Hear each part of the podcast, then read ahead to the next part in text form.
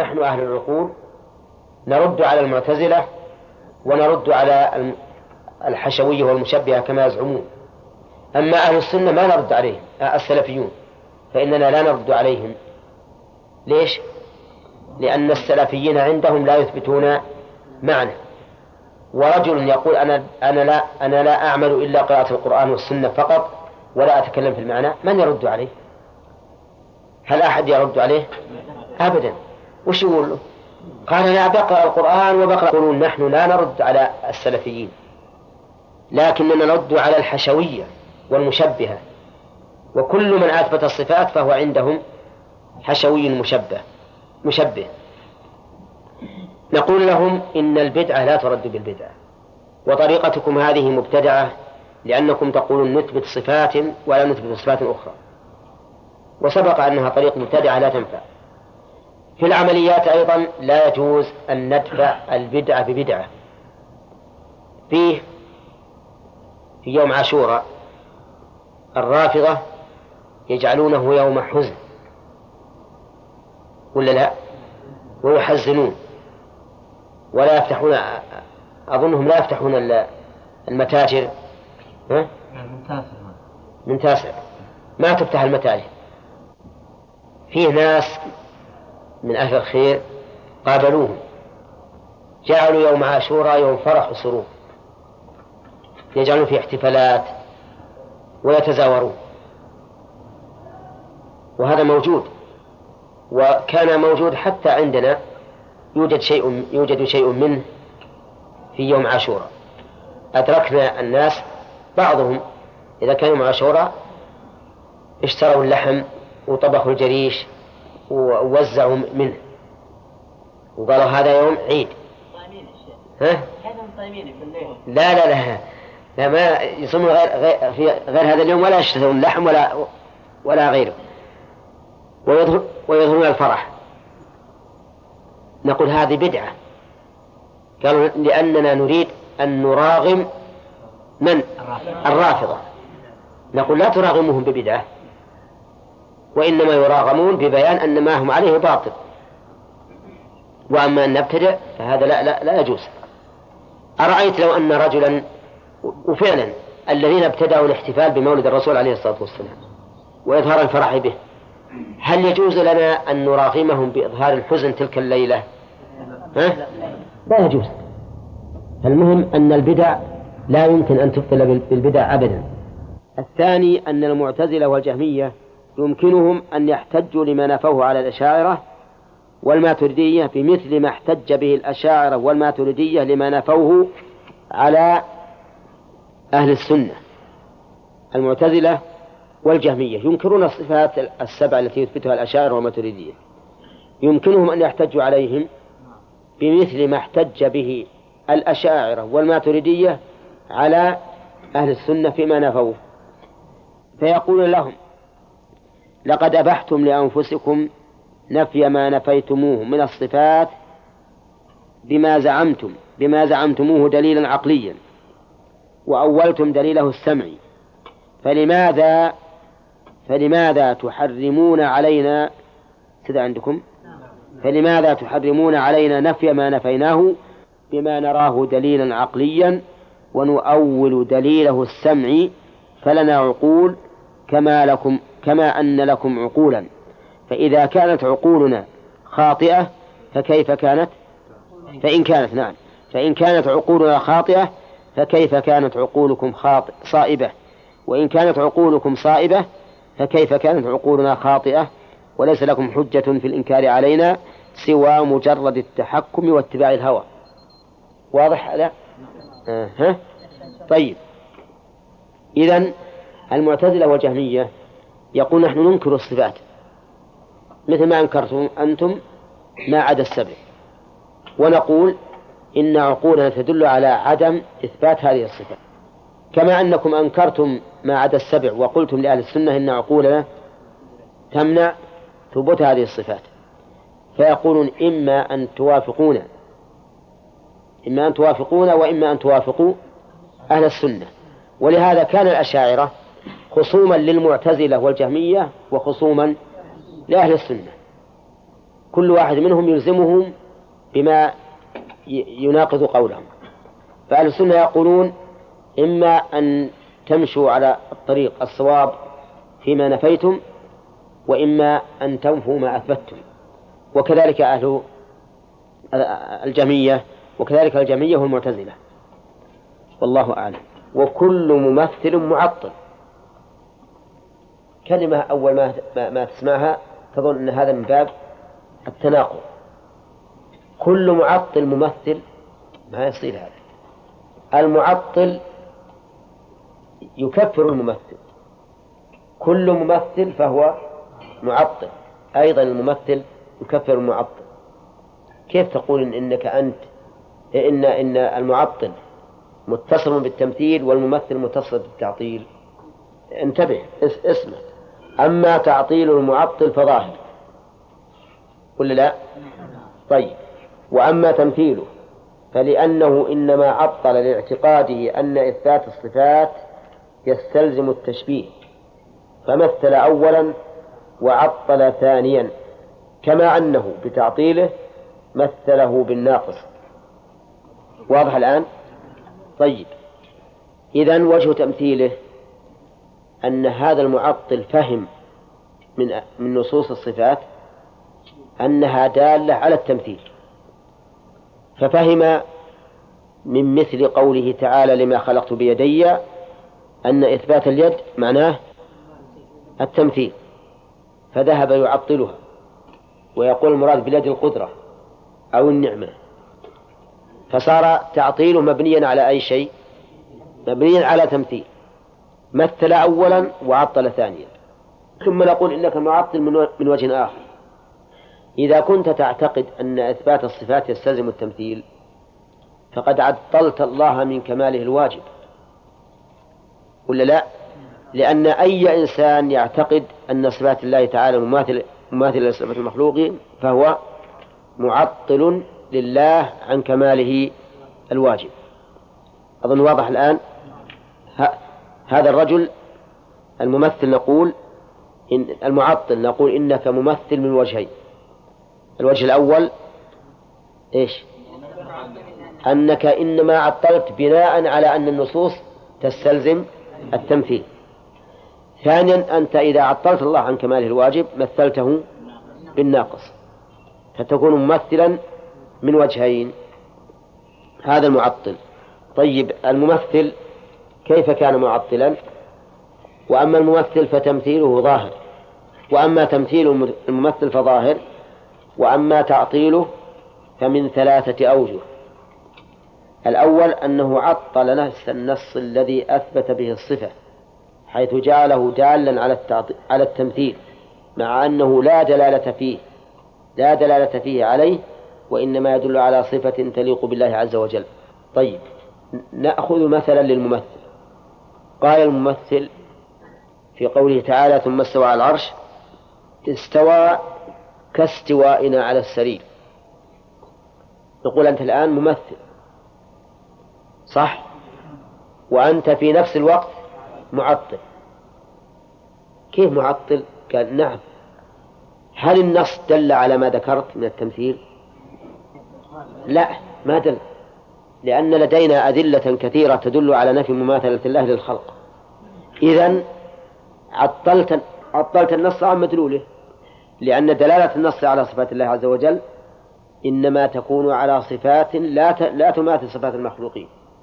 فإذا جعلته دالا على صفات تماثل صفات المخلوقين فقد فقد عطلته عن معناه الحقيقي.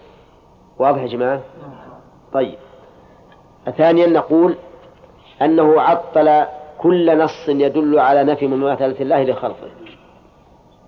ليس كمثله شيء إذا قال هو إن استواء الله على العرش كاستواء على السرير. هل عطل هذه الآية ليس كمثله شيء؟ نعم. كيف كان تعطيله إياها؟ لأنها تدل على نفي المماثلة وهو أثبت المماثلة. طيب.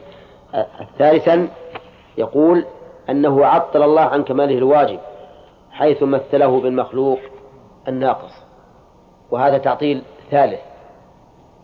إذا زعم أن الله استوى على العرش كاستوائه على السرير عطل الله عن كماله الواجب لأن تشبيه الكامل بالناقص يجعله ناقصا كما هو معروف. فصار تمثيل المعطل من وجهين. الوجه الأول أنه إنما عطل النصوص لاعتقاده أنها تدل على التمثيل. فمثل أولا ثم عطل ثانيا. الوجه الثاني أنه إذا عطل هذه النصوص فقد شبه الله تعالى فقد مثل الله بماذا؟ بالناقص. لأنه إذا عطله عن الكمال صار ناقصا فمثل الله تعالى بالناقص. تمثيل تعطيل الممثل.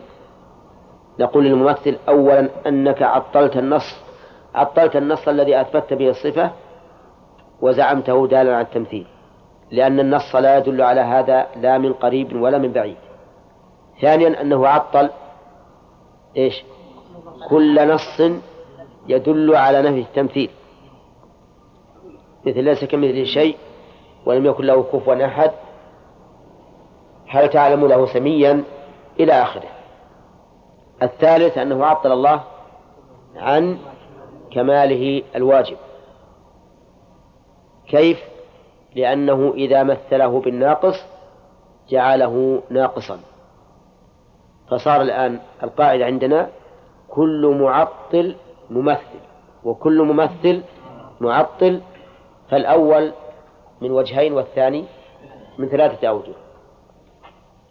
ثم قال المؤلف فصل اعلم أن بعض أهل التأويل أورد على أهل السنة شبهة في نصوص من الكتاب والسنة في الصفات ادعى أن أهل السنة صرفوها عن ظاهرها ليلزم أهل السنة بالموافقة على التأويل المد أو المداهنة فيه. وقال كيف تنكرون علينا تأويل ما أولناه مع, مع ارتكابكم لمثله فيما أولتموه؟ هذه هذا فصل مهم. يعني بعض أهل التأويل قالوا لأهل السنة إنكم تنكرون علينا التأويل. فقال أهل السنة نعم ننكر عليكم هذا لأنكم تصرفون النصوص عن ظاهرها. فقال هذا المؤول أنتم أيضا صرفتم النصوص عن ظاهرها في عدة مواضع فيلزمكم أحد أمرين. إما أن توافقون على ما أول إما أن توافقون على ما أولناه فتؤولون جميع النصوص وإما أن تداهنوا وتسكتوا عنا ونسكت عنكم. واضح يا جماعة؟ مثال ذلك ادعوا أن أهل السنة أولوا قول الله تعالى تجري بأعيننا وقالوا إنكم لم لم تأخذوا بظاهرها. لأن ظاهرها عندهم أن السفينة تجري في وسط عين الله. فيقول هذا هو ظاهر الكلام. وأهل السنة يقول تجري بأعيننا أي تجري برؤيتنا بأعيننا. يعني تجري ونحن نراها بأعيننا ويجعلون الباء للمصاحبة. يجعلون الباء للمصاحبة وليست للظرفية. أهل السنة والجماعة سيجيبون عن هذا. لكني ضربت مثلا لبيان دعوى هؤلاء المؤولين طيب أيضا يقولون أنتم صرفتم قول الله عز وجل في الحديث القدسي فإذا أحببته كنت سمعه الذي يسمع به وبصره الذي يبصر به ويده التي يبطش بها ورجله التي يمشي بها. قالوا ظاهر الحديث أن الله عز وجل يكون هذه الأعضاء سمعه وبصره ويده ورجله. وأنتم تقولون وأنتم لا تقولون بهذا. فلماذا أولتم بعض النصوص وتركتم البعض؟ نعيد مرة ثانية يقول اعلم أن بعض أهل التأويل أورد على أهل السنة شبهة في نصوص من الكتاب والسنة في الصفات ادعى أن أهل السنة صرفوها عن ظاهرها ليلزم أهل السنة بالموافقة على التأويل. فيقول يلزمكم أن تؤولوا في بقية النصوص أو المداهنة فيها. إيش معنى المداهنة؟ يعني السكوت. اسكتوا عنا ونحن نسكت عنكم. وقال كيف تنكرون علينا تأويل ما أولناه مع ارتكابكم لمثله فيما أولتموه؟ قال ونحن نجيب بعون الله عن هذه الشبهة بجوابين مجمل ومفصل. المجمل يتلخص في شيئين. أحدهما أن لا نسلم أن تفسير السلف لها صرف عن ظاهرها فإن ظاهر الكلام ما يتبادر منه من المعنى وهو يختلف بحسب السياق وما يضاف إليه الكلام. فإن الكلمات يختلف معناها بحسب تركيب الكلام والكلام مركب من كلمات وجمل يظهر معناها ويتعين بضم بعضها إلى بعض. هذا الوجه الأول. الوجه الأول أننا لا نسلم أن تفسيرنا أن تفسيرنا لها مخالف للظاهر. لماذا؟ لأن ظاهر الكلام ما يدل عليه لفظه وسياقه. وسيأتي إن شاء الله بيان ذلك في الأمثلة. فإذا كان ظاهر الكلام ما يدل عليه لفظه وسياقه فإنه يختلف باختلاف السياقات. قد تأتي كلمة في موضع يكون لها معنى في موضع آخر لأن السياق يدل على هذا المعنى الآخر. وإذا كان كذلك فإنه إذا أتى نص وسياقه يدل على معنى من المعاني وجب علينا أن نأخذ بهذا المعنى الذي اقتضاه السياق وإن كان في في سياق آخر لا يقتضي هذا المعنى. انظر إلى قول الله تعالى واسأل القرية التي كنا فيها. وانظر إلى قوله تعالى إنا مهلكو أهل هذه القرية.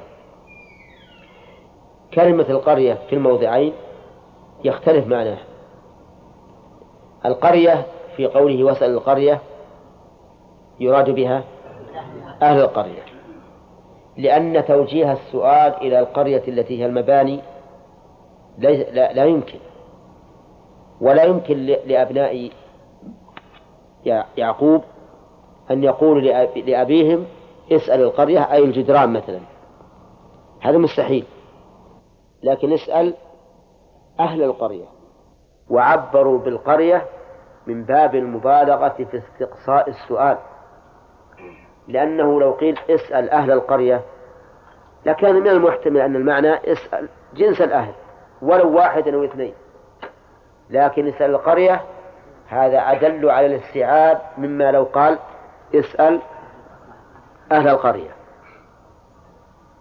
ثانيا الآية الثانية إنا مهلكو أهل هذه القرية وش المراد بالقرية؟ ها؟ المباني. المباني والأرض. لأنه قال أهل هذه القرية. أي أهل هذا المكان الذي هم ساكنون فيه وهو القرية.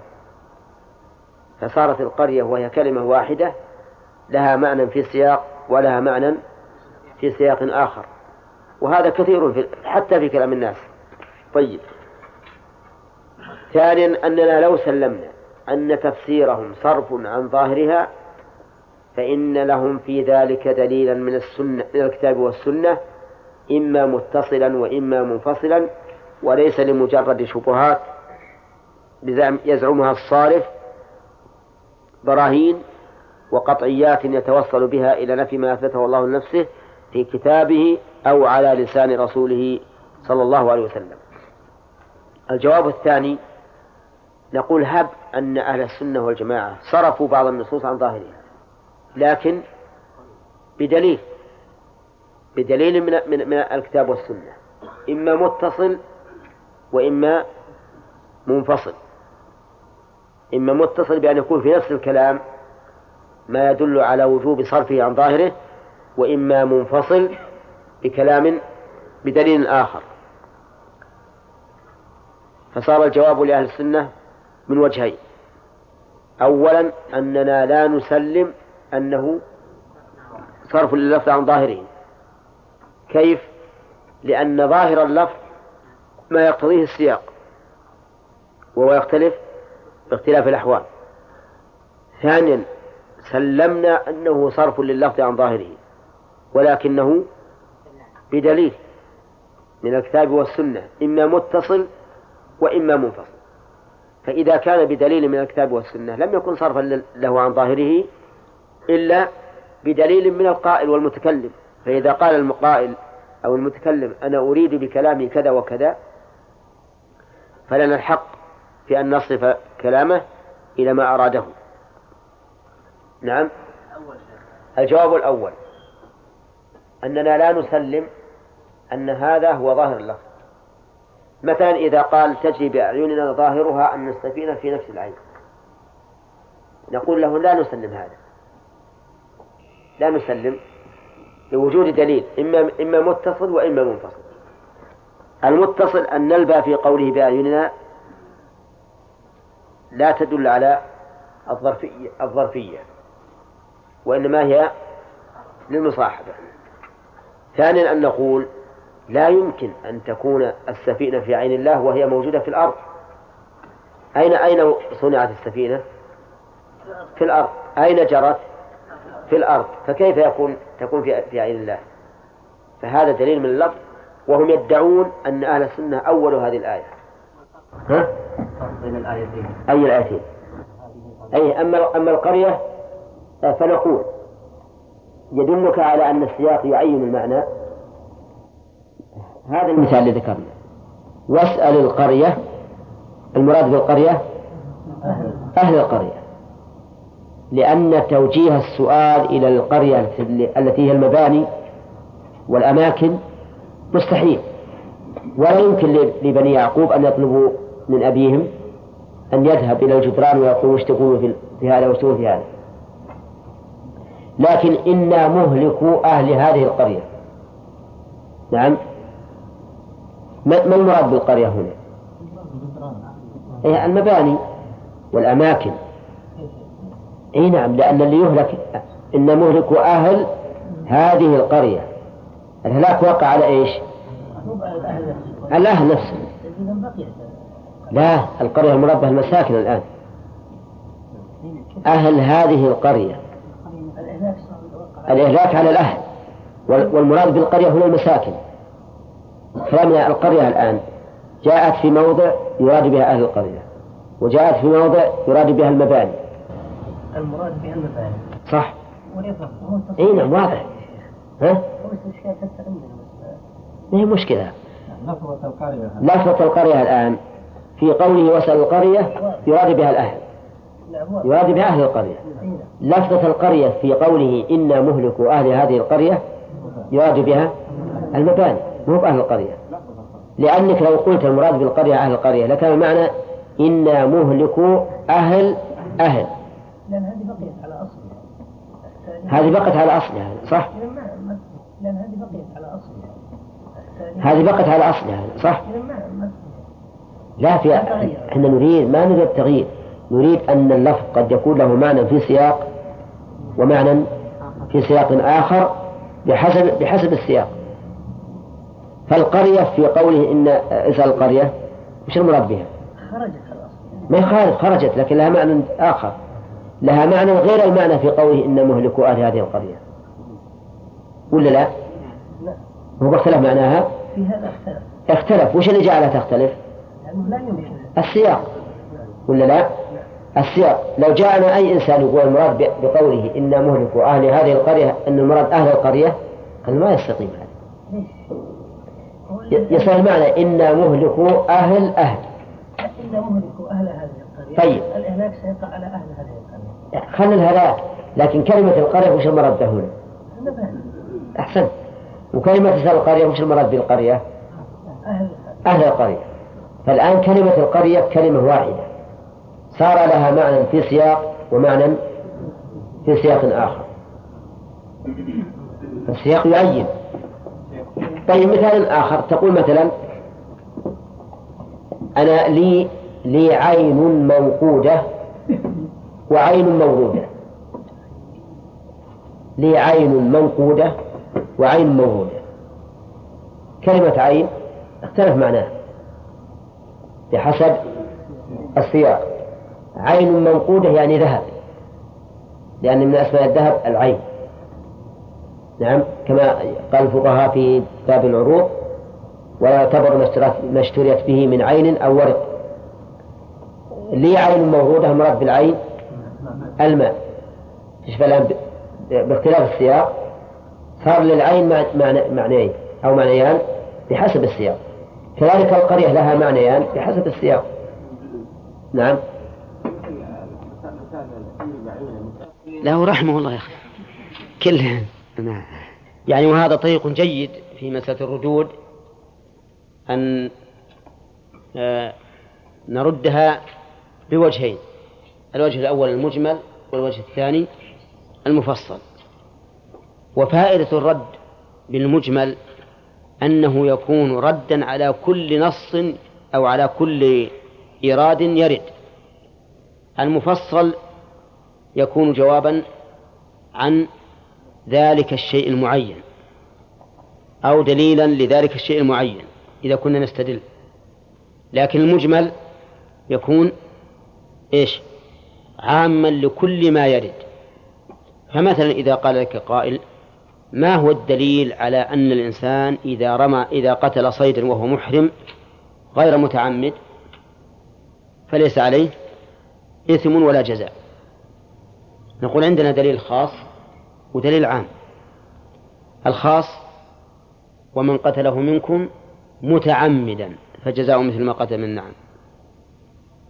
فقيده بالمتعمد. الدليل العام وليس عليكم جناح فيما ما اسم موصول عام فيما أخطأتم به ولكن ما تعمدت قلوبكم. فنحن في الحقيقة إذا كنا نريد أن نرد على مسألة معينة نأتي بدليلها المعين ولكن ينبغي أن نأتي بالدليل العام لأجل أن يكون الإنسان مستعدا به لكل ما يرد.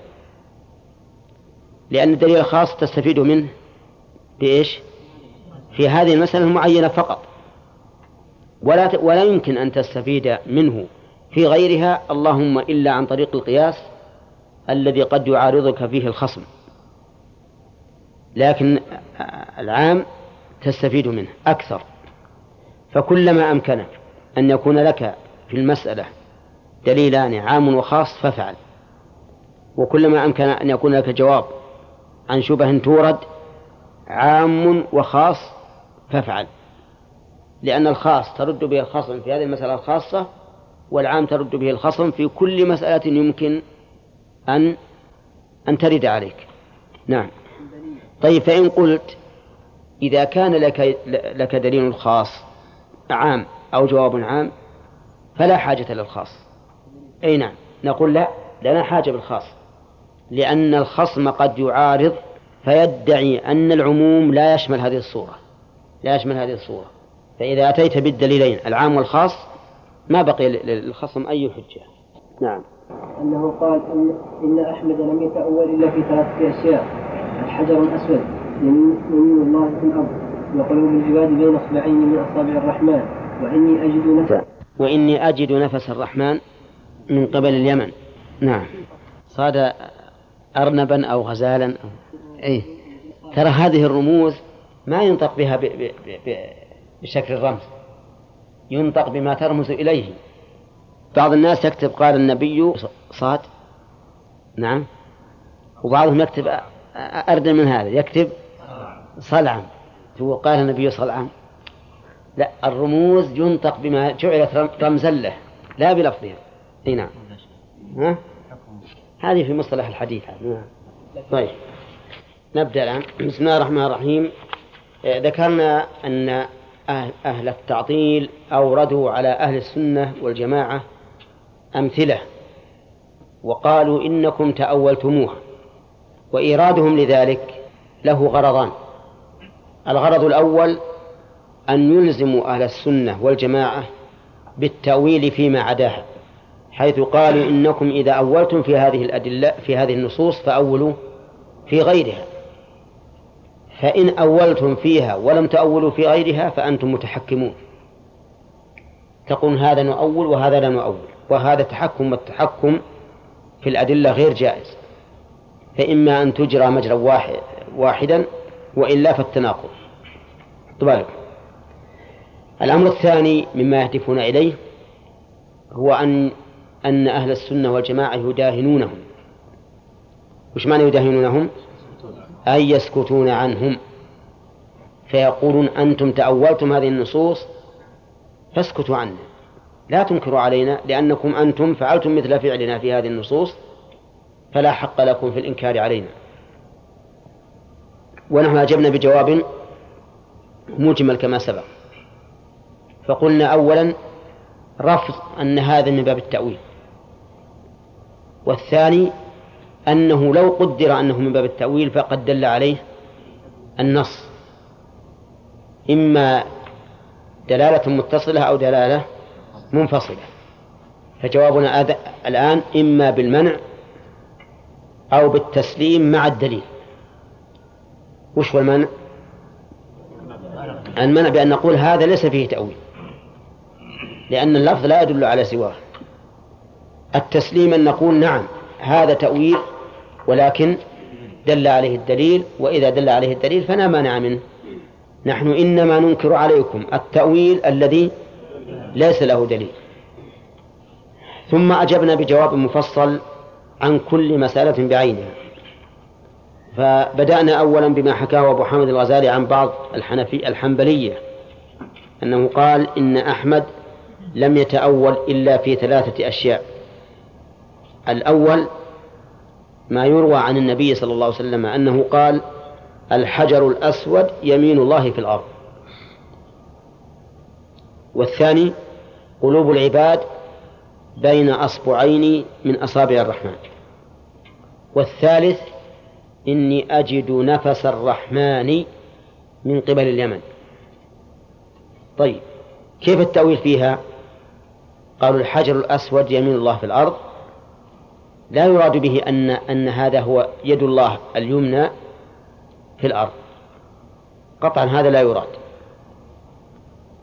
ولكنه بمنزلة يمين الله في كون الإنسان يستلمه واستلامه إياه كأنه معاهدة بينه وبين ربه عز وجل أو تحية بالمصافحة. فعبر عنه بأنه يمين. قالوا هذا تأويل. الثاني قلوب العباد بين أصبعين من أصابع الرحمن وهو ويراد به كمال قدرة الله تعالى في تصريف عباده. في تصريف عباده. وليس المراد أن القلوب بين أصبعين من أصابع الله حقيقة. الثالث إني أجد نفس الرحمن من قبل اليمن. قالوا إن الرحمن ليس له نفس. ولكن المراد بذلك نصر الله نصر الله عز وجل فهذا تأويل. ولنسمع. يقول أما الأول فالجواب عنه أنه حديث باطل لا يثبت عن النبي صلى الله عليه وسلم. وحينئذ هل يصح إيراده على أهل السنة؟ ليش؟ يقول ما صح عن النبي عليه الصلاة والسلام. إذا لم يصح كيف تلزمون بأننا صححناه وأولناه؟ فنحن نقول إن هذا حديث لا يصح ولا يثبت. قال ابن الجوزي في العلل المتناهية هذا حديث لا يصح. وقال ابن العربي حديث باطل فلا يلتفت إليه. وقال شيخ الإسلام ابن تيمية روي عن النبي صلى الله عليه وسلم بإسناد لا يثبت. وعلى هذا فقد كفينا إياه بعدم ثبوته. وعلى هذا فلا حاجة للخوض عن في معناه. لأنه ليس بثابت فضلا عن أن نطلب له معنى. لكن قال شيخ الإسلام ابن تيمية والمشهور يعني في هذا الأثر إنما هو عن ابن عباس رضي الله عنهما. قال الحجر الأسود يمين الله في الأرض فمن صافحه وقبله فكأنما صافح الله وقبل يمينه. طيب إذن إذا كان مرويا عن ابن عباس فلا يخلو إما أن يكون مما يمكن فيه الاجتهاد أو لا. فإن كان مما لا يمكن فيه الاجتهاد فهو في حكم الرفع. إلا أن ابن عباس رضي الله عنهما ممن عرف بالأخذ عن بني إسرائيل. وحينئذ لا يكون ما أخبر به من هذا الباب ما لا يكون ما أخبر به في هذا الباب من باب المرفوع حكما. لاحتمال أن يكون نقله نعم عن بني إسرائيل.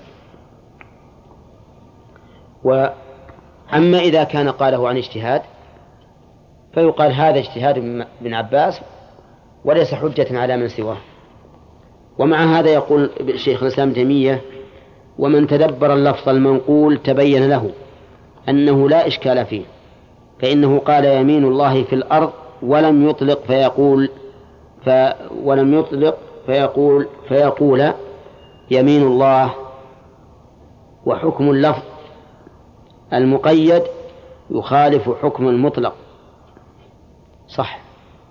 لأنه قال يمين الله في الأرض. ولو قال يمين الله وأطلق لكان فيه اشتباه.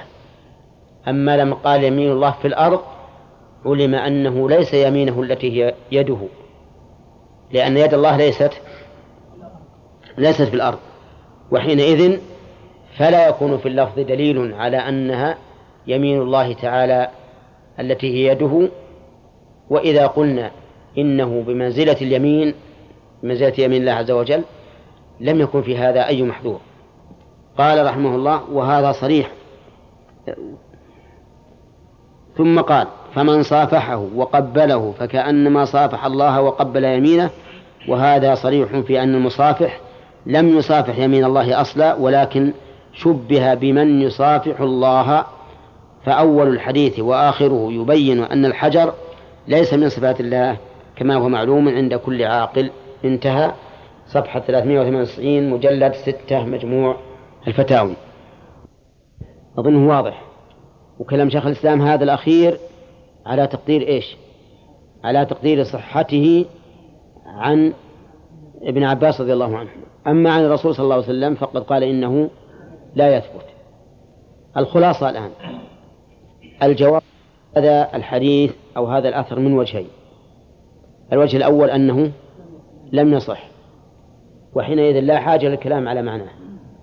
الوجه الثاني إذا صححناه عن ابن عباس وقلنا إنه من رأيه أو من نقله فإن فإنه من تدبره تبين أنه لا يراد به قطعا أن الحجر يمين الله التي هي يده.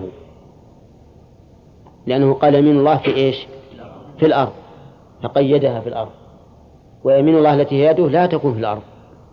وهناك فرق بين اللفظ المطلق واللفظ المقيد.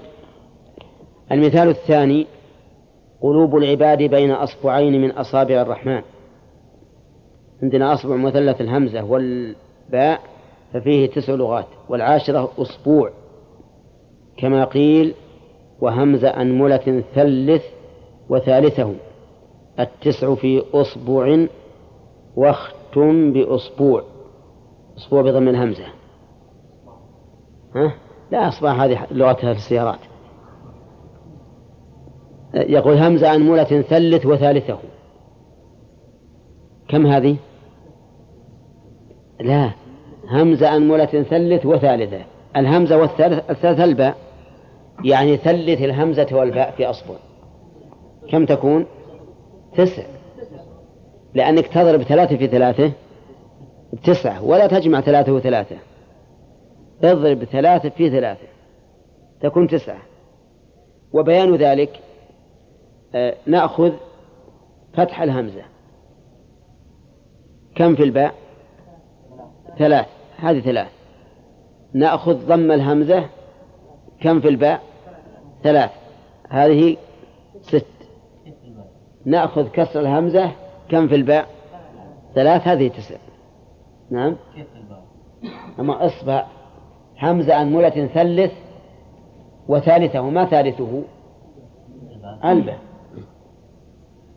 أولا افتح الهمزة فتحنا همزة. كم يجوز في الباء؟ ثلاثة أوجه. الفتح والضم والكسر. ولا لا؟ فتقول أصبع. أصبع. أصبع. خلاص من ثلاث غم الهمزة. كم في الباء؟ ثلاث أيضا. فتقول أصبع. وأصبع. وأصبع. هذه ست. بقى علينا كسر الهمزة. وفي. وفي الباء ثلاثة أوجه. فتقول إصبع. إصبع إصبع. ها؟ هذه تسع. اللغة العاشرة أسبوع نعم. تقول ما أطول أسبوعه يعني إصبعه. همزة أنملة وثالثها. يقول همزة أنملة ثلث وثالثه. ما ثالث الهمزة؟ ما ثالث الأنملة؟ الميم. فيه تسع لغات أنملة افتح الباء افتح الهمزة. ففي الميم ثلاث توجه. اكسر الهمزة في الميم ثلاث توجه. ضم الهمزة في الميم ثلاث توجه. الجميع تسع. فتقول أنملة أنملة أنملة. هذا في الفتح. ضم الهمزة أنملة. أنملة أنملة كسر الهمزة. إنملة إنملة إنملة ولا فيها أنمول نعم. طيب. لا قياس في اللغة. ما عاد ما نحكم على العرب. طيب. ها؟ الظاهر بالنسبة للإصبع إصبع أكثر استعماله إصبع. والأنملة الفتح والضم. هذا الأكثر. على كل حال ما حدا غلط. أي واحد يتكلم به على أي وجه ما ما يغلط فيه. طيب. يقول أما الثاني ف الثاني القلوب قلوب العباد بين أصبعين من من أصابع الرحمن. والجواب أن هذا الحديث صحيح رواه مسلم في الباب الثاني من كتاب القدر. عن عبد الله بن عمرو بن عاص رضي الله عنهما أنه سمع النبي صلى الله عليه وسلم يقول إن قلوب بني آدم كل إن قلوب بني آدم كلها بين أصبعين من أصابع الرحمن. كلها إذا جاء مثل هذا التركيب جاز أن تجعل كل توكيدا لما سبق وجاز أن تجعلها مبتدأ وما بعدها خبر والجملة من المبتدأ والخبر خبر إن. أما إذا جعلناها توكيدا فهي على حسب المؤكد وهو منصوب في إن. ولكن الخبر الذي بعدها يكون خبرا لإن فتقول مثلا في هذا الحديث إن قلوب بني آدم كلها بين أصبعين. إذا جعلت كلها تكون توكيدا وبين أصبعين خبر إن.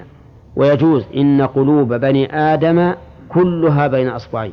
فتكون كل مبتدأ وبين أصبعين. خبر المبتدأ المبتدأ والجملة من المبتدأ والخبر خبر إن.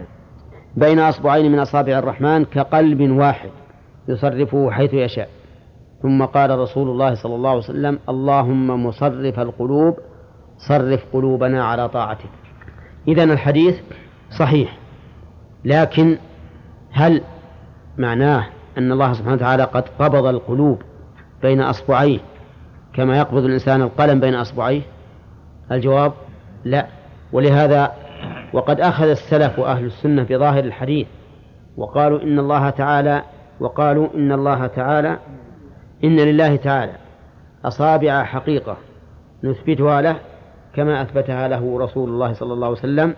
ولا يلزم من كون قلوب بني آدم بين أصبعين منها أن تكون مماسة لها حتى يقال إن الحديث موهم للحلول فيجب صرفه عن ظاهره. فهذا السحاب مسخر بين السماء والأرض وهو لا يمس السماء ولا الأرض. ويقال بدر بين مكة والمدينة مع تباعد ما بينهما مع تباعد ما بينها وبينهما. فقلوب بني آدم كلها بين أصبعين من أصابع الرحمن حقيقة ولا يلزم من ذلك مماسة ولا حلول.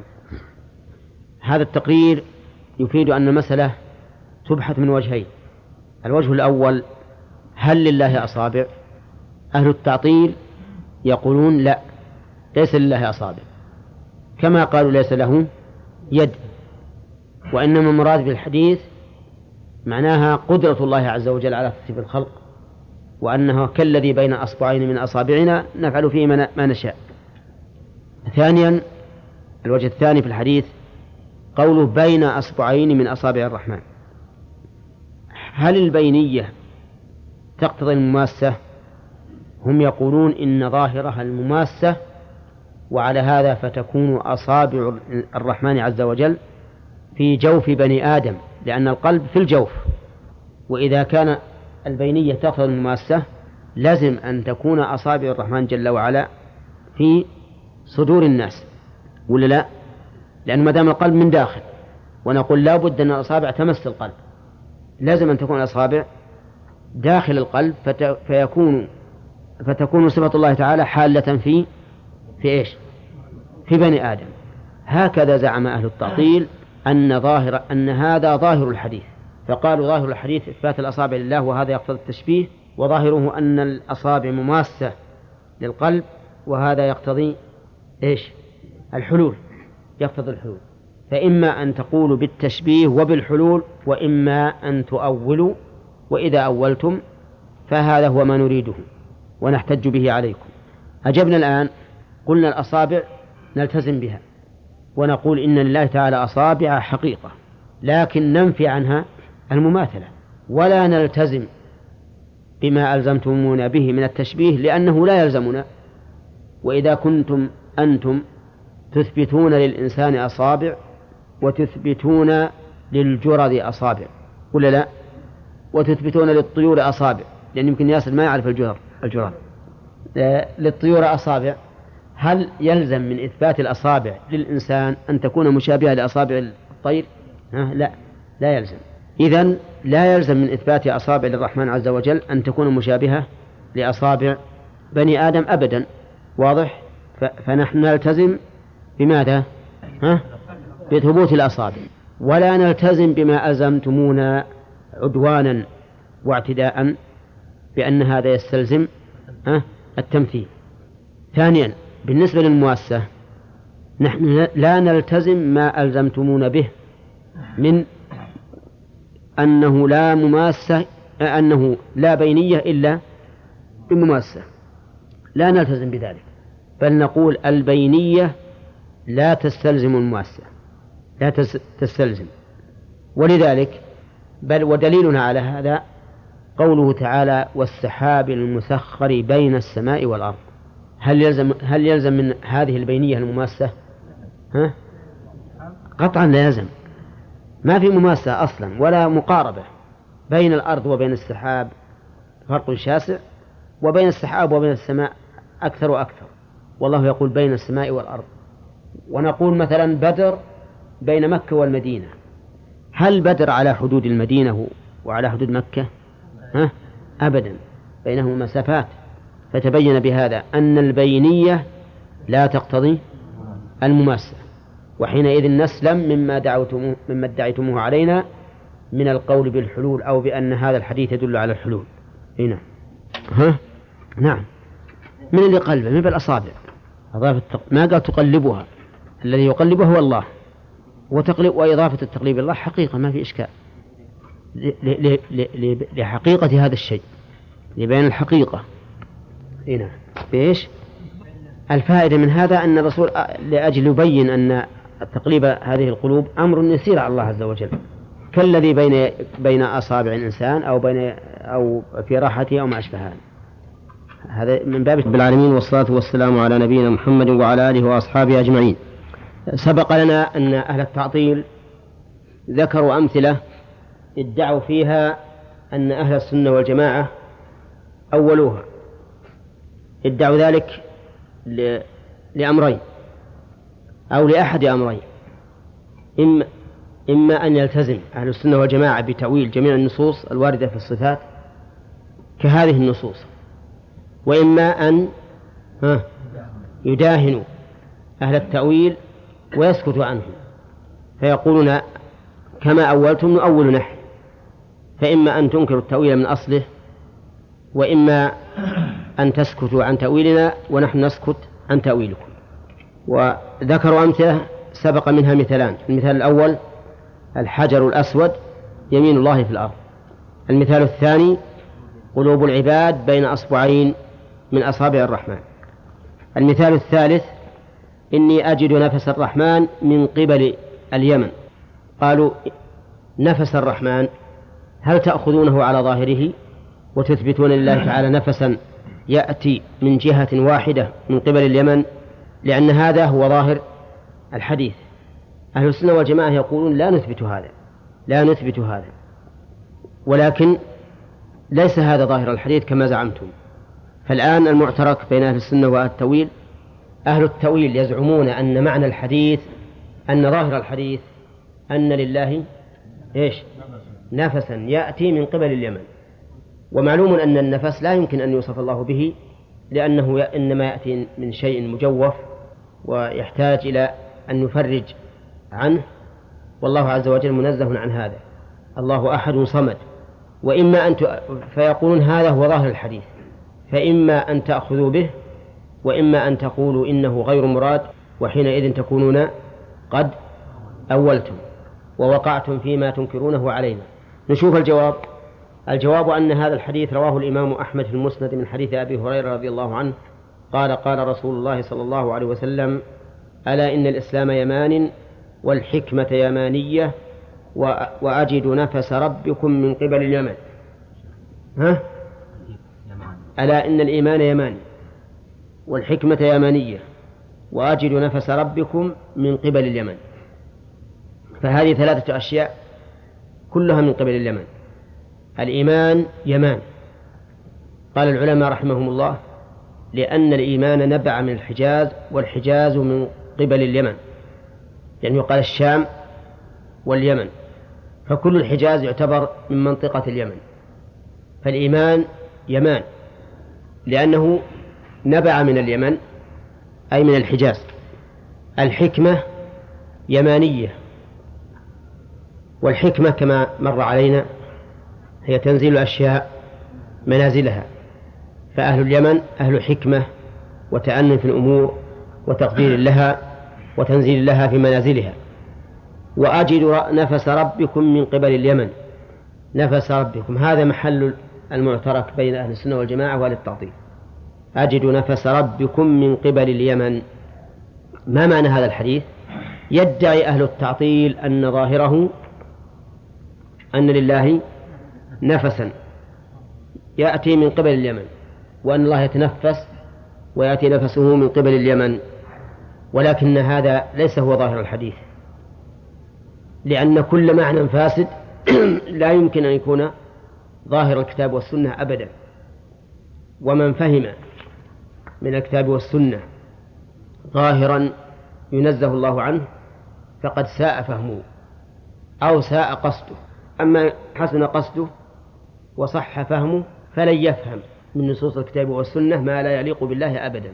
يقول قال في قال في مجمع الزوائد لابن حجر الهيثمي قال رجاله رجال الصحيح غير شبيه.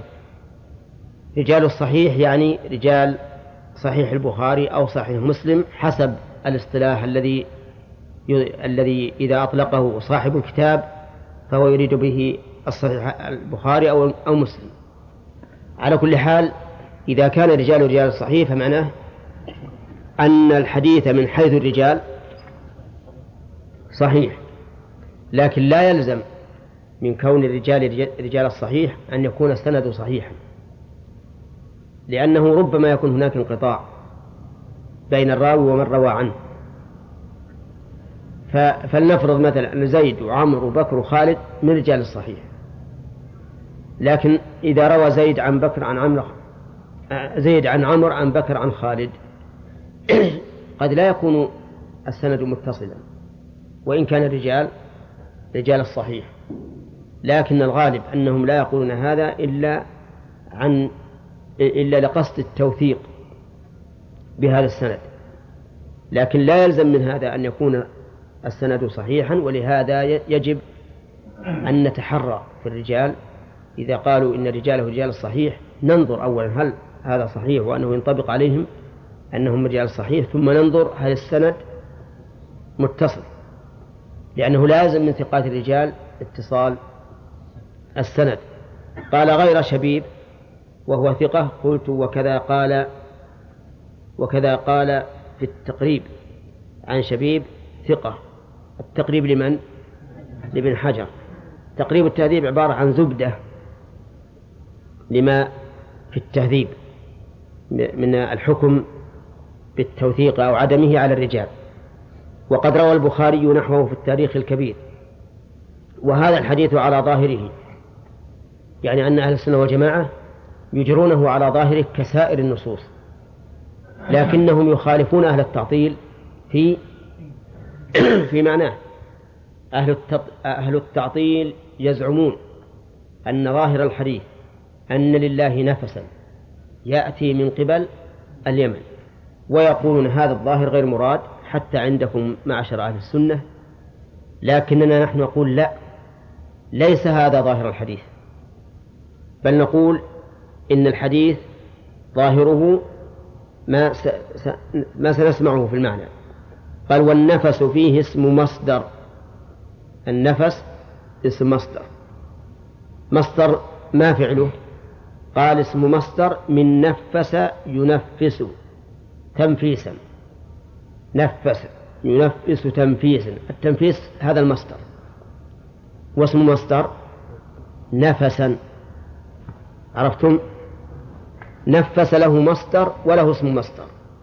مصدره تنفيسا. اسم المصدر نفس. وهذا يوجد في الأفعال كثيرا. يكون لها مصدر ولها اسم مصدر. فكلم يكلم المصدر تكليما واسم المصدر كلام. سلم يسلم تسليما واسم المصدر سلام. نظير ما, ما نحن فيه. فرج يفرج تفريجا واسم المصدر فرج. فنفس ينفس تنفيسا واسم المصدر نفس. إذا النفس بمعنى تنفيس لأن اسم المصدر بمعنى المصدر لكن يخالفه في الصيغة فقط ولا المعنى واحد. فكلمته تكليما وكلمته كلاما بمعنى واحد لكن اختلف في إيش؟ في الصيغة. نفس ينفس تنفيسا ونفس ينفس نفسا بمعنى واحد لكن اختلف في الصيغة. هذا اسم مصدر وهذا مصدر. يقول هكذا قال أهل اللغة كما في النهاية لابن الأثير. النهاية لابن الأثير قاموس لكنه ليس عاما في اللغة كلها. قاموس لما جاء في ألفاظ الحديث من الغريب. الغريب المعنى الذي يشكل فصاحب النهاية رحمه الله وهو ابن الأثير جمع. الكلمات الغريبة في الأحاديث وفسرها. كذلك في القاموس. القاموس المحيط للفيروزابادي والغريب أن هذا الرجل فارسي ويجمع قاموس اللغة العربية. وهذا من بركة القرآن. لأن القرآن كتاب الله تعالى المنزل لجميع الخلق يعتني به جميع المسلمين وإذا اعتنوا به لزم من ذلك أن يعلموا اللغة العربية. قال ومقاييس اللغة. لابن لابن فارس. مقاييس اللغة لابن فارس كتاب جيد لطالب العلم لأنه يذكر المادة وجميع مشتقاتها. فيقول لك مثلا فرج بمعنى نفس وأزال الكربة ثم يذكر اشتقاقاتها. وهو مفيد ولهذا يسمى مقاييس اللغة. وينفع وينفع الإنسان في معرفة الاشتقاقات اشتقاقات اللغة. طيب. وفيه أيضا فوائد فائدة أخرى كثرة الشواهد. فيه من آه، شعر العرب. قال قال في مقاييس قال في مقاييس اللغة النفس كل شيء يفرج به عن مكروب. كل شيء يفرج به عن مكروب فهو نفس. إذن يكون بمعنى التنفيس. فمعنى الحديث فيكون معنى الحديث أن تنفيس الله تعالى عن المؤمنين يكون من أهل اليمن. وهو كذلك. قال شيخ الإسلام وهذا هو الواقع. فإن الأنصار الذين آووا المهاجرين ونصروهم كانوا من قحطان وقحطان من من اليمن. فيكون المعنى أن الفرج للمؤمنين والتنفيس والنصرة يكون من قبل أهل اليمن. قال شيخ الإسلام رحمه الله هم الذين قاتلوا وهؤلاء هم الذين قاتلوا أهل الردة وفتحوا الأمصار فبهم نفس الرحمن عن المؤمنين الكربات انتهى. إذا الحديث ليس فيه تأويل. ليس فيه تأويل. لأن المعنى الذي ادعى أهل التعطيل أنه ظاهره معنى فاسد ليس هو معناه. ولا يمكن أن يكون ظاهر الكتاب والسنة معنى باطلا لا يليق بالله. والمعنى الذي يليق بالله والذي لا يخالف الظاهر بل يوافقه هو ما أشرنا إليه. أن المراد بالنفس التنفيس والمعنى أن التنفيس عن المؤمنين وتفريج الكربات عنهم ونصرهم يكون من قبل من قبل اليمن من أهل اليمن سواء سواء في أول الإسلام كالأنصار الذين تلقوا المهاجرين أو كان في فيما بعد كالذين قاتلوا أهل الردة. المثال الرابع قوله تعالى ثم استوى إلى السماء. ثم استوى إلى السماء. قال أهل التعطيل إنكم يا أهل السنة حرفتم النص. لأن ظاهر استوى إلى السماء أنه كان في الأرض نازلا ثم صعد إلى السماء مرتفعا. وجه ذلك أن إلى إيش؟ للغاية. والغاية لا بد أن يكون قبلها مغير. فيكون استوى إلى السماء ذكرها بعد خلق الأرض. هو الذي خلق لكم ما في الأرض جميعا ثم استوى إلى السماء. فيقولون إن ظاهر الآية أن الله كان في الأرض خلق ما في الأرض ثم إيش؟ ثم استوى إلى السماء. فهل أنتم تقولون بهذا الظاهر؟ يا أهل السنة. يقول أهل السنة لا نقول بهذا. يقول إذن إذن أولتم النص. أولتم النص. فنحن نقول إن ظاهره أن الله في الأرض ثم صعد إلى السماء فإن قلتم به فقد قلتم بالظاهر لكن لا تقولون به. وإن لم تقولوا به فقد أولتم. وحينئذ لا تعيبون علينا لا تعيبوا علينا التأويل. ولا تنكروا علينا التأويل. لأنكم إذا أنكرتم علينا ما نؤول وأولتم أنتم فهذا تحكم. تحكم وتناقض. كيف تقول هذا هذا النص يجوز تأويله وهذا النص لا يجوز؟ ومن الذي قال لكم هذا؟ طيب نشوف الآن المعنى. استوى إلى السماء ذكرت في القرآن في موضعين. في سورة البقرة هو الذي خلق لكم ما في الأرض جميعا ثم استوى إلى السماء. وفي سورة فصلت. قال الله تعالى قل أئنكم لتكفرون بالذي خلق الأرض في يومين وتجعلون له أندادا ذلك رب العالمين. وجعل فيها رواسي من فوقها وبارك فيها وقدر فيها أقواتها في أربعة أيام سواء للسائلين. ثم استوى إلى السماء وهي دخان. فقال لها والأرض ائتيا طوعا وكرها استوى إلى السماء. فظاهر الآيتين على زعمهم أن الله كان في الأرض ثم صعد إلى السماء. ومعلوم أن أهل السنة والجماعة لا يقولون بهذا بل يقولون إن علو الله من صفاته الذاتية التي لم يزل ولا يزال متصفا بها. فلننظر الآن جواب أهل السنة. الحقيقة أنه كان ينبغي لنا أن أننا إذا ذكرنا الأمثلة نذكر ما ما ادعاه أهل التعطيل لكن بناء على أن هذا مفهوم أهملناه وليتنا لم نهمله لأن الآن اللي, اللي يقرأ الكتاب ما يعرف ماذا يقول أهل التعطيل في إلزام أهل السنة واضح؟ طيب على كل حال بينا الآن ما يدعيه أهل التعطيل وش يقولون؟ إن ظاهر الآية أن الله كان في الأرض ثم ارتفع إلى السماء. هذا هو ظاهر الآية. نعم. لا استوى إلى السماء. ويتكلم عن خلق الأرض وتقدير الأوقات فيها ثم استواء فأنتم لا تقولون بهذا طيب الجواب. أن لأهل السنة في تفسيرها قولين. القول الأول أنها بمعنى ارتفع إلى السماء وهو الذي رجحه ابن جرير رحمه الله. قال في تفسيره بعد أن ذكر الخلاف وأولى المعاني بقول الله جل ثناؤه ثم استوى إلى السماء فسواهن أو لا على على عليهن وارتفع فدبرهن بقدرته وخلقهن سبع سماوات انتهى. وعلى هذا الرأي تكون إلى بمعنى على. ثم استوى إلى السماء أي ثم استوى على السماء. وهذا فيه شيء من من من النظر لأن الاستواء لا يقال إلا على العرش.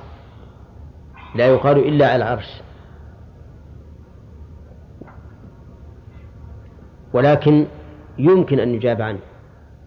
فيقال استوى على السماء هذا علو مطلق وقد بينت النصوص أن المراد به العرش. بينت النصوص أن المراد به العرش. ابن جرير يقول على عليهن. على عليهن. فيجعل إلى بمعنى على. أي استوى على السماوات. أي على عليها. قلت الآن وهذا فيه شيء من النظر لأن الاستواء خاص بالعرش لأنه علو خاص غير العلو المطلق. لكن يمكن أن يجاب عن هذا فيقال استوى على السماوات أي على عليها لكن هو على العرش. ومن على على العرش فقد على على السماوات لأن العرش فوقها. قال رحمه الله وذكر البغوي وذكره البغوي في وذكره البغوي في تفسيره قول ابن عباس وأكثر مفسر السلف. وذلك تمسكا بظاهر لفظ استوى وتفويضا لعلم كيفية هذا الارتفاع إلى الله عز وجل. يقول لأن استوى في اللغة العربية بمعنى بمعنى على وارتفع. وكيف استوى هذا ما نعرف. الله أعلم. استوى على السماء استواء يليق بجلاله ولا نعلم كيف هذا كما نقول في الاستواء على العرش. قال القول الثاني أن الاستواء هنا بمعنى القصد التام. وإلى هذا القول ذهب ابن كثير في تفسير سورة البقرة والبغوي في تفسير سورة فصلت. قال ابن كثير أي قصد إلى السماء. والاستواء ها هنا ضمن معنى القصد والإقبال لأنه عدي بإلى. وقال البغوي أي عمد إلى إلى خلق السماء. إذن على هذا القول لا إشكال في الآية. إذا فسرنا استوى بمعنى قصد وأن المراد بالاستواء هنا القصد التام. وقالوا رحمهم الله القصد التام لأن أصل الاستواء أصل هذه المادة تدل على الكمال. فيقال استوى الطعام بمعنى كمل نضجه. ويقال ولما بلغ أشده واستوى أي كمل عقله.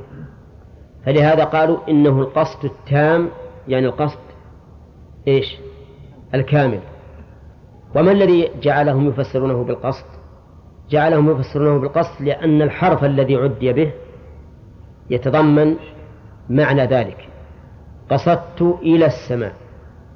فلما عدي بإلى التي يعدى بها القصد صار استوى ضمن معنى القصد. وأخذنا من كلمة استوى التي تدل على الكمال أن هذا القصد إيش؟ تام كامل تام كامل. فابن كثير رحمه الله قال إن هذه إن هذا الفعل لما عدي بإلى يجب أن نحول أن نحوله إلى تضمين معنى القصد. كما في سائر الأفعال التي تعد بحرف لا يتناسب مع ظاهر لفظها فإنها تضمن معنى ذلك الحرف. قال وهذا القول يعني القول الثاني ليس صرفا للكلام عن ظاهره وذلك لأن الفعل استوى اقترن بحرف يدل على الغاية والانتهاء.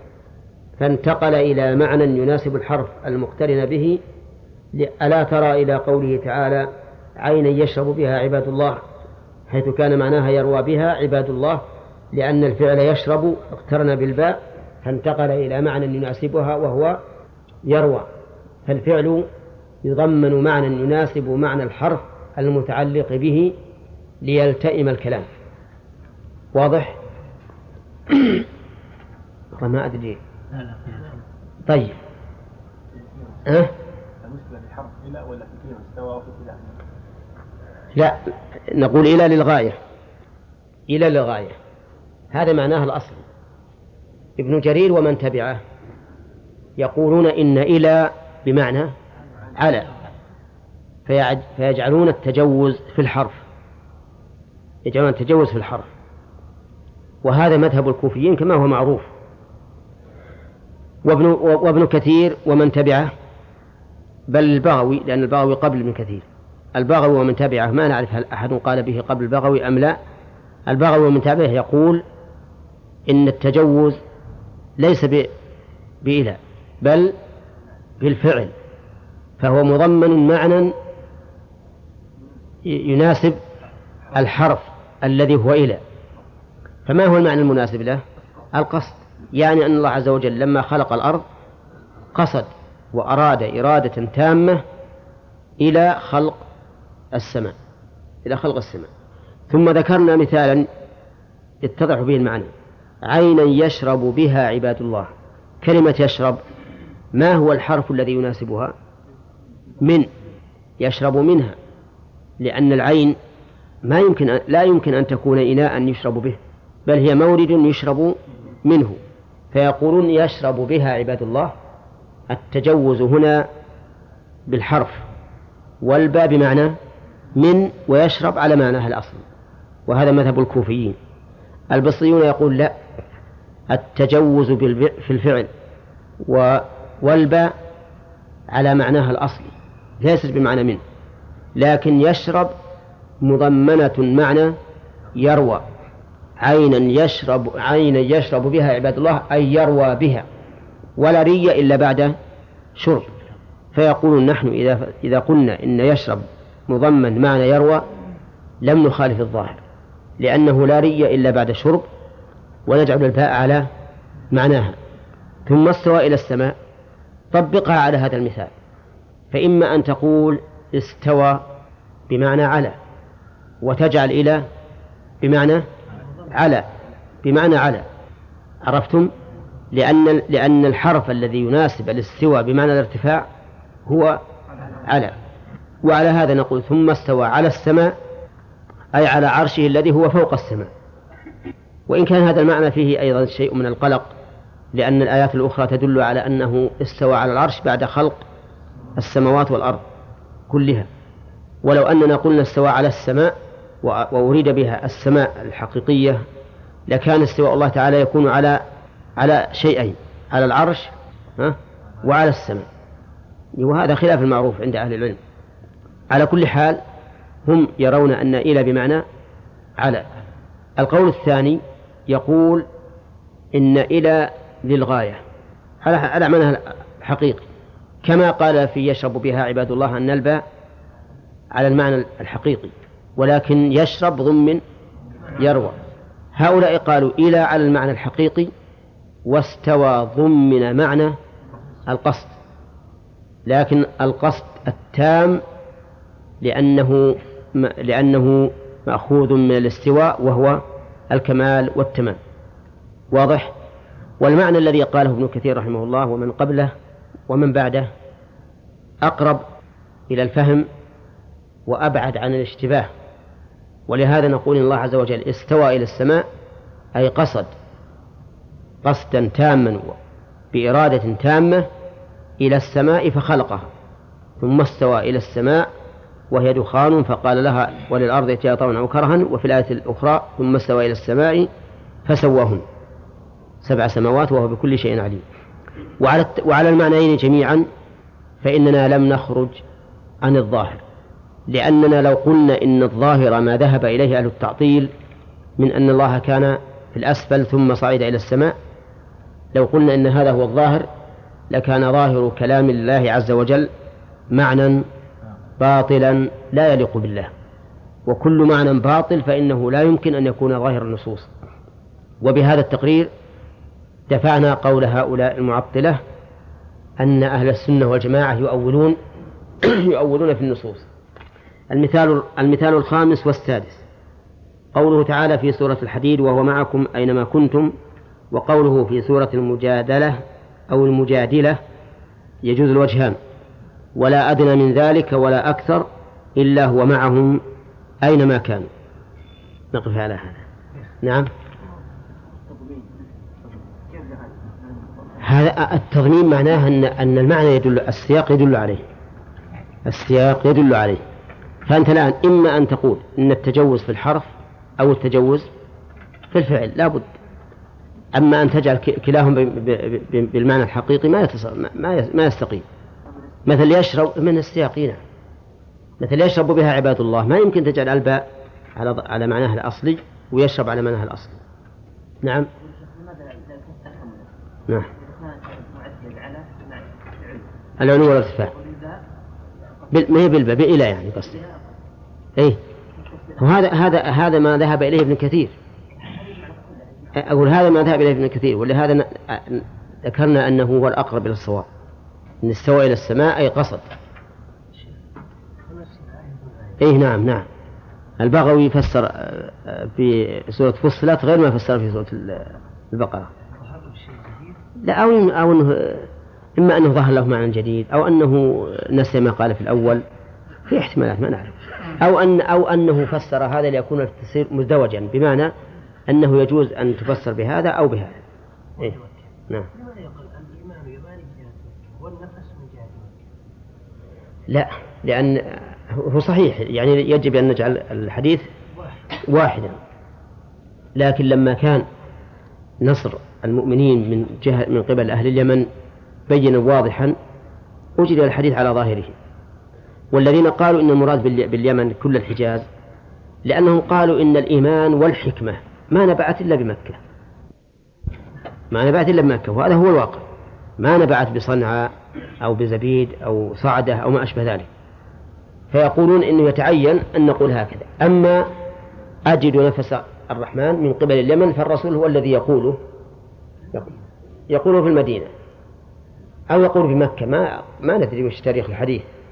لكن على كل حال فإن الله تعالى نصر المؤمنين بالأنصار في أول في أول الإسلام وكذلك بالأنصار في في في حروب الردة بأهل اليمن كما قال الشيخ الإسلام ابن تيمية.